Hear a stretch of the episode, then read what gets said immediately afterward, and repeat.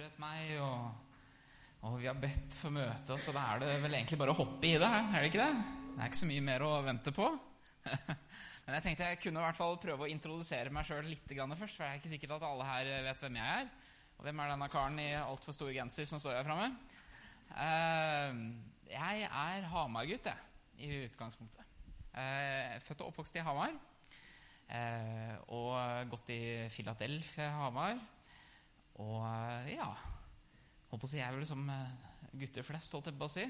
Er med i menigheten så lenge man må. Og så, når man får bestemme litt sjøl etter hvert, så tar man seg en liten pause sånn i begynnelsen av tenårene.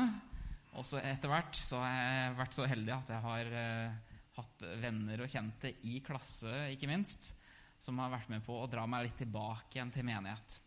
Så fra 17-18-årsalderen og utover så har menighet vært en stor del av livet mitt.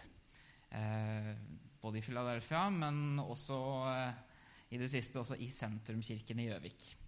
Så jeg møtte jo Jeg har jo gått på Hedmarktoppen, som jeg vet også Niklas har gjort. Eh, og jeg skjønner jo at eh, du har kapra Kjersti med en eh, så fin tenor. Det, det er ikke verst. Jeg vet ikke om det var det du, den framgangsmåten du tok, men det kunne du gjort. Det hadde sikkert spart deg mye tid. Så der møtte jeg også Hege, som er kona mi. Og hun er da fra Snertingdalen, så det kan du spørre henne mer om etterpå hvis du har lyst. Eh, men det er altså grunnen til at jeg har havna på Gjøvik. For jeg tapte den kampen. Og så har jeg jo hørt det også, at du skal forlate din mor og din far. Så Hege ba meg pent om å gjøre det. Nei da, hun sa ikke det. Eh, men i hvert fall så havna vi på Gjøvik. Så der har vi bodd nå i seks år. Takk. Yes. Og nå er jeg her i dag, da. Jeg har jo vært her et par ganger før, da, må jeg si. For vi har vært der oppe på uh, LED-samlingene, som kanskje flere av dere kjenner til. Jeg vet en del av dere har vært der. Og det har vi jo vært der i hvert fall et par år. Uh, så jeg begynner jo å kjenne litt til menigheten etter hvert, og noen av dere. Så det er veldig hyggelig å være her i kveld også sammen med dere. Virkelig. Eh, takknemlig for muligheten og invitasjonen. Det er veldig hyggelig. Veldig stas. Så eh, Jeg har jo forberedt meg litt, da. Og jeg vi var jo inne på det her i stad. Hva er det Gud har lagt på hjertet? Eh, og det må jeg si at det har Av og til så er det litt utfordrende, sant? Eh, nå skjønner jeg altså at Dere også av og til har noen på en måte temaer av og til. Så da er det på en måte litt forhåndsinnstilt, og man trenger ikke å tenke holdt på å si, og, og kjenne og føle fra gang til gang. Og så i kveld så det, var jeg veldig fri. Uh, og litt fram og tilbake har det vært. Men jeg tror jeg landa på noe som jeg også har fått litt fred for. Og så håper jeg at, eh, som vi sa her i stad, Den hellige ånd også får være med og bare formidle det som eh, kommer. At det ikke bare blir mine ord, men at det blir eh, noe som kommer si, gjennom meg. At jeg er så ren kanal som jeg kan være. og også at jeg håper og tror for deres del også at dere, dere hører Den hellige ånd tale. jeg har lyst til å dra fram noen bibelvers til å starte med. Eh, har ikke så veldig mange, må jeg innrømme, men vi skal nå i hvert fall eh, eh, ta utgangspunktet litt her. Eh, og det første bibelstedet som vi skal gå til Hvis du har en bibel, så må du gjerne bla opp. Ellers så kommer det kanskje på skjermen også etter hvert. Eh, men vi skal til første Mosebok. Uh, tunge saker. Gamle testamentet. Og så skal vi til kapittel 40 i første Mosebok. Uh, og jeg skal egentlig havne på vers 8, men jeg, kan, jeg liker ofte like gjerne å forklare det som å lese det av og til. um, og dette her er historien om Josef, sikkert veldig mange som kjenner den fra før av. Og uh, i, uh, i, starten av kapittel 40 så er altså Josef uh, i, i fengsel Eh, han er ikke i fengsel, men eh, det er noen baker, en baker og en munnskjenk som man snakker med i fengsel. Og det er, eh, det er, de to det handler litt om her. i utgangspunktet. For disse to, munnskjenken og bakeren, de har hatt noen drømmer. og når vi kommer inn i det kapitlet her, så er de litt opprørt. For de har hatt noen drømmer, og de skjønner ikke hva de skal gjøre av det. Og de er litt oppgitt. Og poff, så er Josef der og spør hva er i veien. Enkelt og greit. Hva er det som er, gjør at dere er så oppjaga og så oppskjørta? Eh, og da sier jo disse her at de har hatt noen drømmer, og ingen kan tyde. Eh, men så står det da altså i Første Mosebok eh, 40 og vers 8 eh, Vi har begge hatt en drøm, men det er ingen her som kan tyde dem. Men da sier Josef til dem, hører ikke tydningen Gud til? Yes, fortell. Og Så skal jeg hoppe til et eh, litt annet bibelvers som kanskje tilsynelatende ikke har så veldig mye med dette her å gjøre. Det blir litt uh, Hva skal vi si Om det hadde vært uh, smør og salami, så hadde dette her vært uh, syltetøy og salami. Det er ikke virker som det, hører helt sammen. men bare heng med meg litt. Et annet bibelvers, 1. Korinter 14 og 13-15, tenkte jeg skulle lese. Og det er Paulus som skriver. Derfor må den som taler i tunger, også be om å kunne tyde det. For hvis jeg ber og taler i tunger, er det ånden min som ber, men forstanden har ingen nytte av det. Hva skal jeg så gjøre? Jo, jeg skal be med ånden, men også med forstanden. Jeg skal lovsynge med ånden, men også med forstanden. Og eh, jeg lover nå at jeg skal egentlig ikke tale om tungetale, så slapp helt av. Og jeg prøver også å slappe av med det, at jeg ikke skal gjøre det her og nå. Det er eh, ikke noe jeg skal vie meg ut på. jeg tror ikke jeg tør det helt ennå. Uh, må nok vokse litt. Men én uh, ting jeg vil si om det, i hvert fall, er at uh, når det gjelder dette her med tungetale, så tror jeg ofte vi bruker det litt for mye som klassifiseringer, om du vil. Klasseskiller. Og kanskje ikke Gud er så opptatt av at vi skal bruke det på den måten, men at det er, mer, det er jo gaver, åndelige gaver, sant? og uh, ment å bygge opp hverandre. Så kanskje han er mer opptatt egentlig av det her med at vi skal kultivere og vokse i åndens frukter. Som det står i Galaterne. Kjærlighet, glede, fred, overbærenhet, vennlighet, godhet, trofasthet. Altså, det er egentlig et lite sidespor, men jeg vil nå bare nevne det. Og så skal vi egentlig eh, snakke litt mer om dette her med tydning. Tolking. Um, og da tenker du kanskje litt forskjellig eh, Vi har litt forskjellig ballast med oss, og vi tenker litt forskjellige ting. Uh, men her er det i hvert fall klart at Paulus legger vekt på tydningen. Nå vet ikke jeg åssen det er med deg, men for meg så har jeg um, ja litt varierende utfordringer i hverdagen med å tyde og tolke diverse ting. Um, jeg har vært gift i ti år. Uh, det betyr ikke at jeg nødvendigvis alltid vet hva Hege vil. Um, og jeg har i hvert fall lært meg såpass at det ingenting betyr ikke alltid ingenting. og jeg vet ikke Jeg har også sånne ting som folk som gjerne vil uh, engasjere seg f.eks. i menigheten. Jeg sa kanskje ikke det, men jeg jobber jo i Sentrumskirken. Uh, så en av de oppgavene mine er jo på en måte å knytte sammen litt i trådene med alle de frivillige som er med. Og det er jo noen som kommer og sier vi vil gjerne være med på et eller annet. Uh, og når vi liksom begynner å Ja, men hva og hvordan og Nei, har ikke helt tid til det nå. Og, og, og da er det ikke alltid så lett å ja, men hva i all verden, hvordan skal jeg liksom tolke det her? Eh, og ikke minst, jeg vet ikke om du har vært ute for det, eh, men det hender jo at det dukker opp noen nye ord en gang iblant. Eh, Seff, Lattis Jeg vet ikke om du har hørt noen av de her. De er heller ikke helt sånn Ikke i min generasjon heller, egentlig. Nå har jeg ikke blitt 35 år, så det er faktisk litt yngre folk som egentlig gjerne kommer med de her enn meg. må jeg innrømme. Men det hender at uh, du må ha noen tydninger, uh, tolkninger på hva er det vi egentlig sier her. Yes. Uh, det er i hvert fall mine utfordringer. Noen av de. men når det gjelder det å tolke ting, så er det vel kanskje ikke alltid så viktig hva som blir sagt, nødvendigvis, men heller den tolkningen. Det er det som har mest å bety. Hvordan vi tolker det som blir sagt, og det vi hører. jeg har ofte sittet og lest e-poster én, to, tre ja, Kanskje både fem og seks ganger. Eh, for å liksom prøve å få fram riktig tolkning, riktig tydning. Hva er det personen i andre enden egentlig prøver å si meg her? Og spesielt hvis det er et område som er litt sånn fintfølende og litt ømtålig.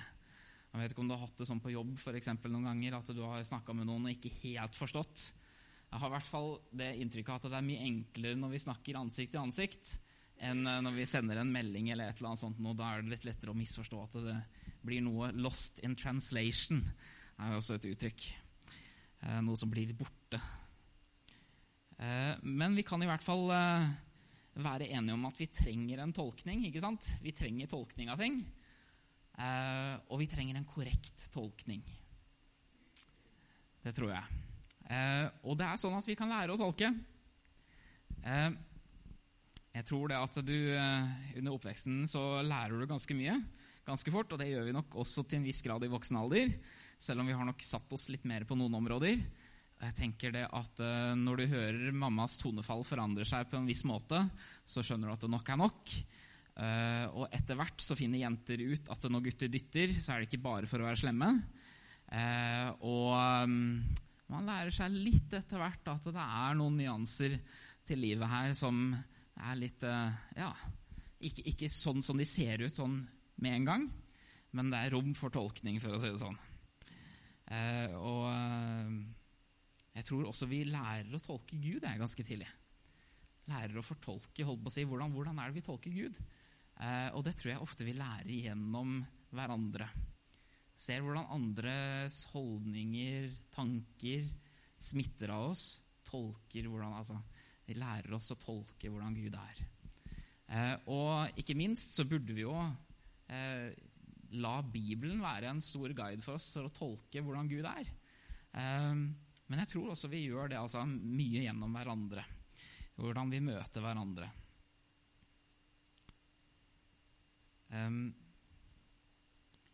Så er det et stort spørsmål. Og det er nå sånn at vi kan Jeg skal stille hele spørsmålet. Lar du livet danne din tolkning av Gud? Eller lar du Gud danne din tolkning av livet? Oh, den er litt dyp.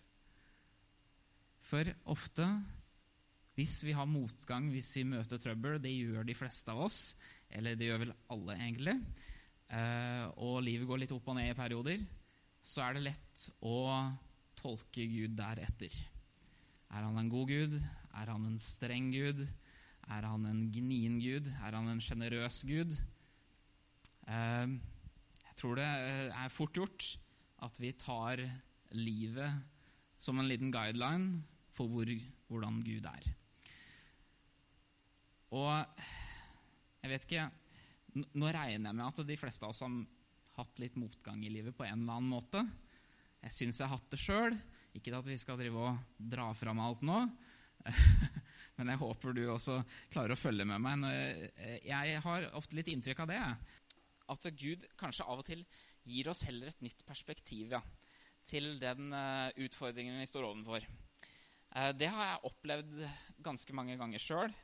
Eh, og kanskje den første gangen jeg egentlig ble litt klar over det, er ikke så veldig lenge siden.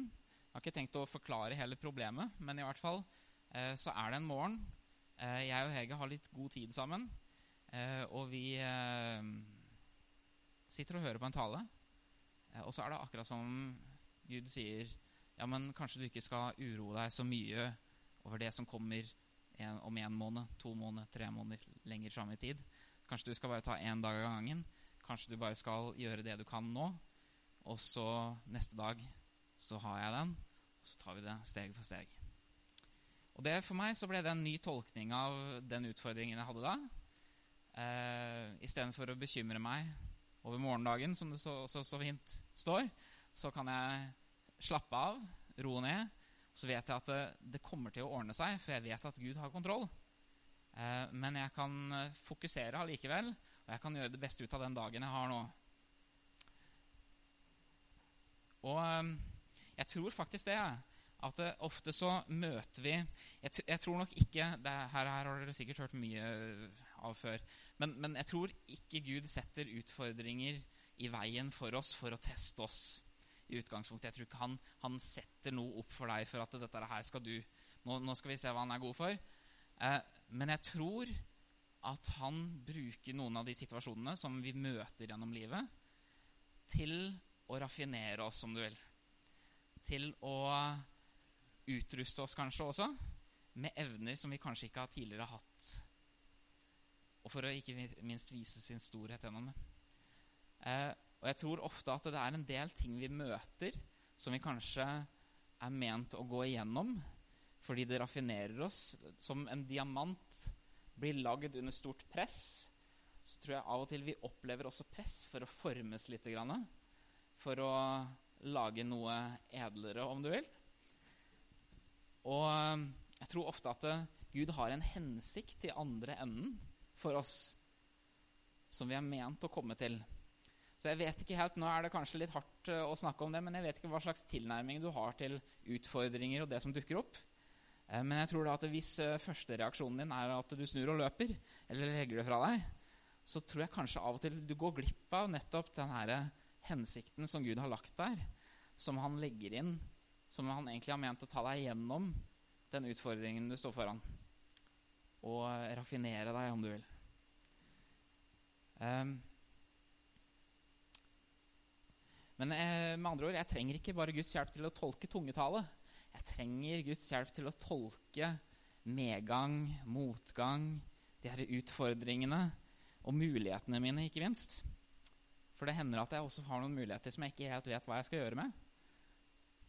Er det, er det deg, Gud? Jeg er litt usikker. Hm.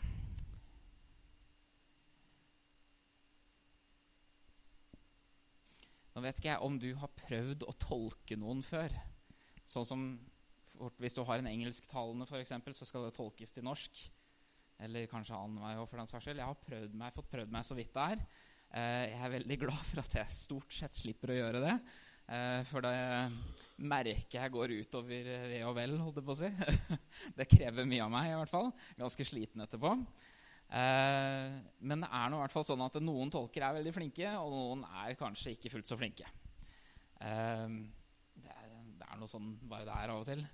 Og jeg må jeg si at jeg beundrer litt noen av de som har den evnen til å bare ja, Det virker som det ikke er noe strev med det i det hele tatt. Det bare kommer automatisk. Det er godt gjort, altså. Virkelig. Og jeg forstår veldig godt, som meg selv, de som står og øh, øh, mm, Ja, hva var det han sa? Få litt hjelp, Og så videre. For det er ikke lett. Eh, men det fins eh, Jeg vet ikke hvor møtevant du er, sånn sett, om du har sett noen som har blitt tolka tidligere, men det hender av og til at du er borti sånne scenarioer der du hører taleren si en setning, og så hører du tolken fortsetter og fortsetter og fortsetter. og Akkurat som om han har sagt både 10 og 20 setninger. Um, og sånn tror jeg av og til det kan være litt. Vi kan legge til ting i vår tolkning. Uh, det kan bli litt for mye. Uh, det gjør jeg ofte selv, må jeg innrømme. Dette her er uh, jeg må si at jeg taler vel så mye til meg sjøl som noen annen eh, når jeg sier alt dette her. Eh, det har vært en reise å, forberede seg, for å si det sånn. Men det å legge til ting i en fortolkning, det tror jeg er en fare. Legge til ting som ikke er der i utgangspunktet. Eh, det er en utfordring. Og jeg tror også det at eh, det fins eh, en fiende, en djevel, som også er kjempeflink på dette her. Legge til de her små tingene. Kommer inn på jobben om morgenen og møter et surt ansikt. Og du tror det er hun er sur på deg, eller han er sur på deg. Og så handler det kanskje bare om at han har hatt en dårlig morgen, har ikke fått kaffekoppen sin. Et eller annet, hva vet jeg. Det kan være enkle ting, men ofte så kan vi legge til mening som gjør at det blir litt kronglete. Og så går det faktisk an å gjøre det på andre måten også, for det har vel også av og til vært ute for det. Har sett talere snakke, snakke, snakke. Så kommer tolkningen motsatt vei. Ti setninger fra taleren, én setning fra, en setning fra tolken. Veldig kort. Og jeg tror også det er noe som eh, vi skal være litt obs på av og til. At eh, Gud vil kanskje gjerne minne deg om noe. F.eks. I, en, uh, i en fortolkning av et eller annet mens djevelen er der for å holde det unna deg, eh, tar det vekk fra deg. Og Hvis du bare ser på f.eks. mulighetene dine Hvis du får en mulighet Kanskje du får en mulighet til å starte en eh, bedrift, eller, eller eh, ja Fortelle evangeliet, for den saks skyld. Så av og til så er det noe som på en måte holdes tilbake. Den muligheten du tenker eh, Ja, nei, men dette her er ikke helt Ja, det blir kanskje mer å legge til, men da tenker at dette her er kanskje ikke helt åpningen for det. Eh, eller at ja, hvis en holder tilbake igjen, da, så tenker kanskje ikke at du, du får ikke den bekreftelse på at dette her, det her er noe for deg. Det her er noe du kan. Jeg vet ikke om dere henger med meg, men skjønner hva jeg mener? Både legge til og trekke fra ting i tolkninger. Og det tror jeg det er virkelig en som er ute etter å prøve å lirke inn og smette inn forskjellige ting. Eh, når vi har med hverandre å gjøre, og ikke minst når vi har med Gud å gjøre. Når du sitter og leser Bibelen, når du er på et møte, hva er det du hører? Det er så mange ting. Akkurat nå så er det én ting som er sikkert. Det er at jeg står her og sier et eller annet, og at det du hører, det er ikke alltid det er det samme. Skjønner hva jeg mener. Ikke noe vondt ment med det. Men det er ofte så mange ting. Det kan hende at du er et helt annet sted. Det er nå én ting. Sånn oppi hodet. og så kan det være at det, smetter inn noe som jeg sier, som du fester deg ved, som du hekter deg ved, som bare fortsetter å ligge der. Og så av og til så er det distraksjoner, et eller annet. Det er forskjellige ting som smetter seg inn, eller kanskje holdes tilbake. Kanskje det er noe du fester deg ved et øyeblikk som gjør at du ikke hører neste setning igjen. Som gjør at du mister et eller annet. At det blir litt forvridd og litt forvrengt. Um, og det tror jeg også det gjelder når vi ikke minst leser Bibelen også. For vår egen del. Så Derfor så tror jeg det er viktig at vi lar Gud være tolken vår. At vi klarer å prøve å legge til rette for det. Og, og, hvordan i all verden kan vi gjøre det, da? Hvis vi ønsker at Gud skal være tolken vår, at vi ikke vil ha alt dette her andre tullet, at vi ikke gir djevelen rom, ikke minst, til å legge til eller trekke fra Ja, men jeg tror det handler om Akkurat sånn som med visdom, så tror jeg Der står det at vi skal be om visdom, og han gir i rikt monn. Og det tror jeg på det området her også, så tror jeg det er Nå tar jeg et steg, kanskje hopper av gårde her, men allikevel, jeg tror dette her er litt på samme måte. Her er det noe Gud ønsker at vi skal ha. Han vil at vi skal ha den rette tolkningen av ting. Han vil at vi skal høre det han har å si. Og på samme måte her så tror jeg vi kan be han om å hjelpe oss med den tolkningen, den tydningen av hva som skjer rundt oss, hva vi hører. Og det tror jeg ikke bare gjelder her i rommet her, for å høre Guds stemme. Men det gjelder jo også hjemme. Gjelder når du er på jobb, gjelder når du er ute og drikker kaffe med venner. Hva enn det er. Så hva skal vi be om, da? Ja, det er så mange sider av det, tenker jeg. Så jeg har ramsa opp noen ting her. Jeg har lyst til å be Gud om å hjelpe meg med å tolke mine ønsker, har jeg skrevet først her. For hva er det jeg ønsker meg? Og jeg vet uh, har et bibelvers til der som jeg, jeg, tenkte jeg skulle dra fram i den sammenhengen. At uh, ha din lyst i Herren, så gir Han deg alt ditt hjerte ber om. Det står i Salmene 37. Den har dere sikkert hørt før. Ganske mange. Og jeg har også hørt den en del ganger. Og jeg må innrømme at uh, min fortolkning av det verset har nok forandra seg litt gjennom åra.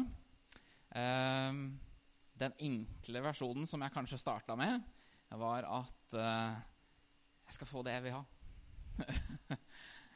har jeg lyst på en ny bil? La oss be. og det er riktig, sant? Det er ikke noe feil med det, men det fins kanskje noe dypere her. Kanskje det er en litt annen tolkning av det etter hvert.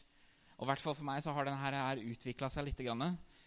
Så fra å tenke at jeg kan be om hva jeg vil, og jeg skal få det, så har jeg mer vendt meg dit nå at ja, men jeg ber Gud om at jeg skal ønske meg de riktige tingene. For jeg, tror faktisk at Gud Det var en annen, et annet eksempel fra en annen tale, egentlig. Vi, eh, jeg snakka om eh, en annen gang her om at eh, eh, livet ditt er som en butikk. Eh, og i den butikken så har du mange forskjellige varer. Og du vil jo at butikken skal gå bra. Eh, så du putter det du tror du som selger best, på hyllene. Sant?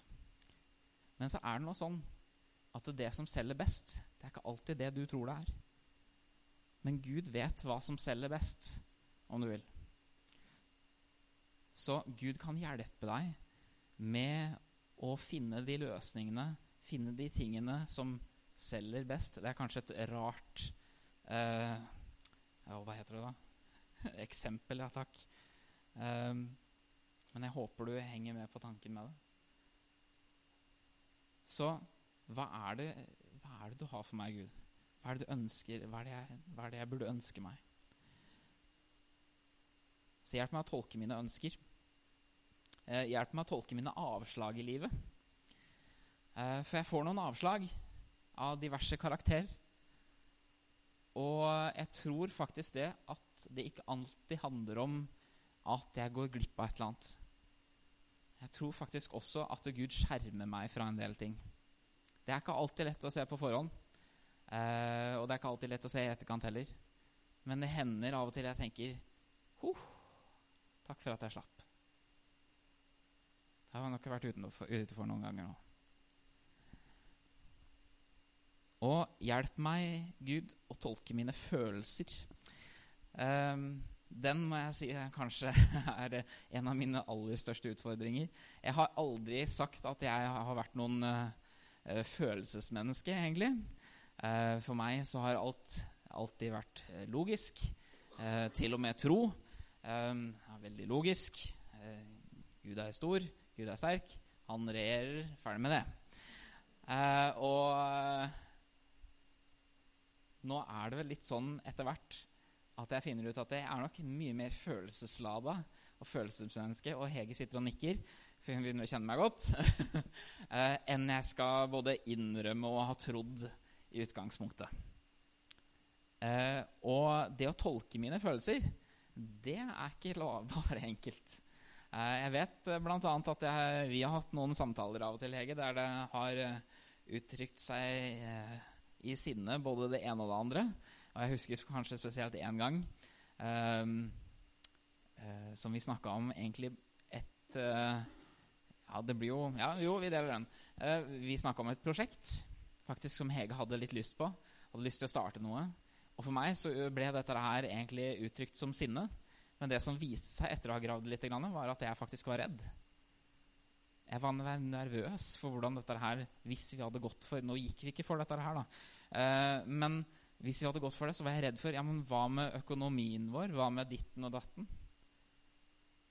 Og det var et helt annet uttrykk. Og um, Så det å tolke sine følelser Åh, kjære Gud, hjelp meg. Hjelp meg å tolke mine fortrinn. Ja, uh, jeg er god på enkelte ting. Um, jeg har fått noen gaver og talenter. Uh, og jeg mener og tror at det er lagt i meg med en hensikt. Hva er det jeg egentlig er ment å gjøre med de her tingene?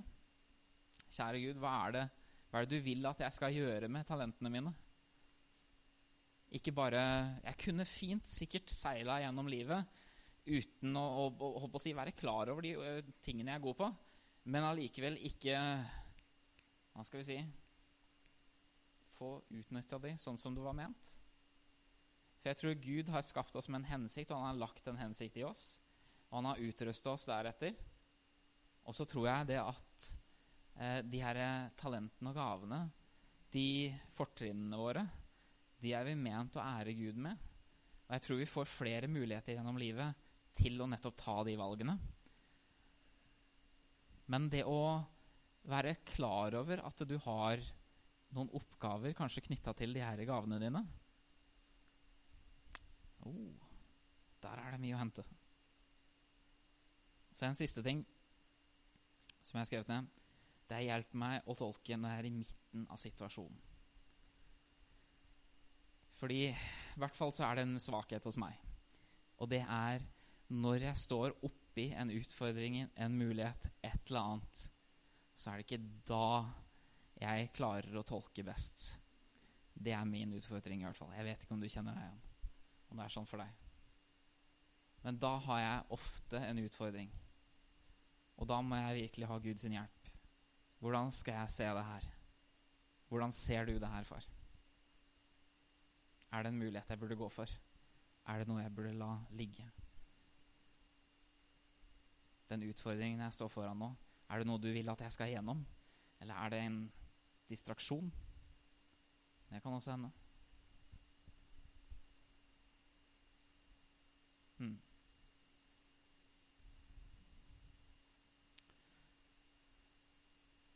Så jeg tror Hvis du ser hvordan Josef levde livet sitt, som vi leste om i starten her, så sa han Gud, er det ikke hans Å, oh, kjære tid. Er det ikke hans uh, tydning? Altså, ikke, hører ikke tydningen Gud til, står det. Jeg tror det at vi kan lære av Gud, og, men jeg tror også det at hvis vi henvender oss til Gud, hvis vi ber Gud om å hjelpe oss, så vil han nettopp gi oss den tydningen vi trenger. Og Josef, han, eh, han, han, Jeg tenker han må ha lurt en del ganger i løpet av livet sitt. Hva i all verden? Eh, når du starter med å få en kjempefin drøm, eh, i hvert fall i hans øyne, om at alle skal bøye seg, og han står der i midten som det fineste akset, holdt jeg på å si, sammenlignet med korn. Og så havner han i brønnen og blir solgt som slave rett etterpå at han forteller den første. Det må ha vært et slag. Men å holde seg til Gud videre gjennom livet og se hvordan Gud gir han favør, gir han tydninger, tolkninger, og som eh, setter han øverst i faraos system for å styre og råde over ting, og virkelig hva som kommer ut av det. Det, det må jeg si, det har inspirert meg å lese den historien etter søndagsskolen også. mm. Yes, jeg tror jeg skal avslutte der, men kan vi ikke Jeg vil gjerne be sammen med dere. Eh, hvis du føler det sånn, så inkluder deg gjerne selv i den bønnen her, men jeg ber i hvert fall for min egen del. Kjære far, jeg takker deg for at du er her sammen med oss. Og jeg takker deg for at du, du viser deg på nye måter, og at du åpenbarer deg for oss på ny. Jeg takker deg, Hellige Ånd, for at du er til stede og hvisker i ørene våre og rettleder oss. Jeg takker deg, far, for at vi kan våkne sammen med deg og gå hvert steg sammen med deg. Så lenge vi inviterer deg med. Vi vet at du er der uansett. Jeg ber deg nå, far, om at du hjelper oss med de her utfordringene, med de mulighetene vi har i livet. Hjelp oss å høre stemmen din klart og tydelig. Hjelp oss å tolke de situasjonene vi kommer til. Far, vi ønsker å legge det i dine hender. Vi ønsker å leve et liv som ærer deg.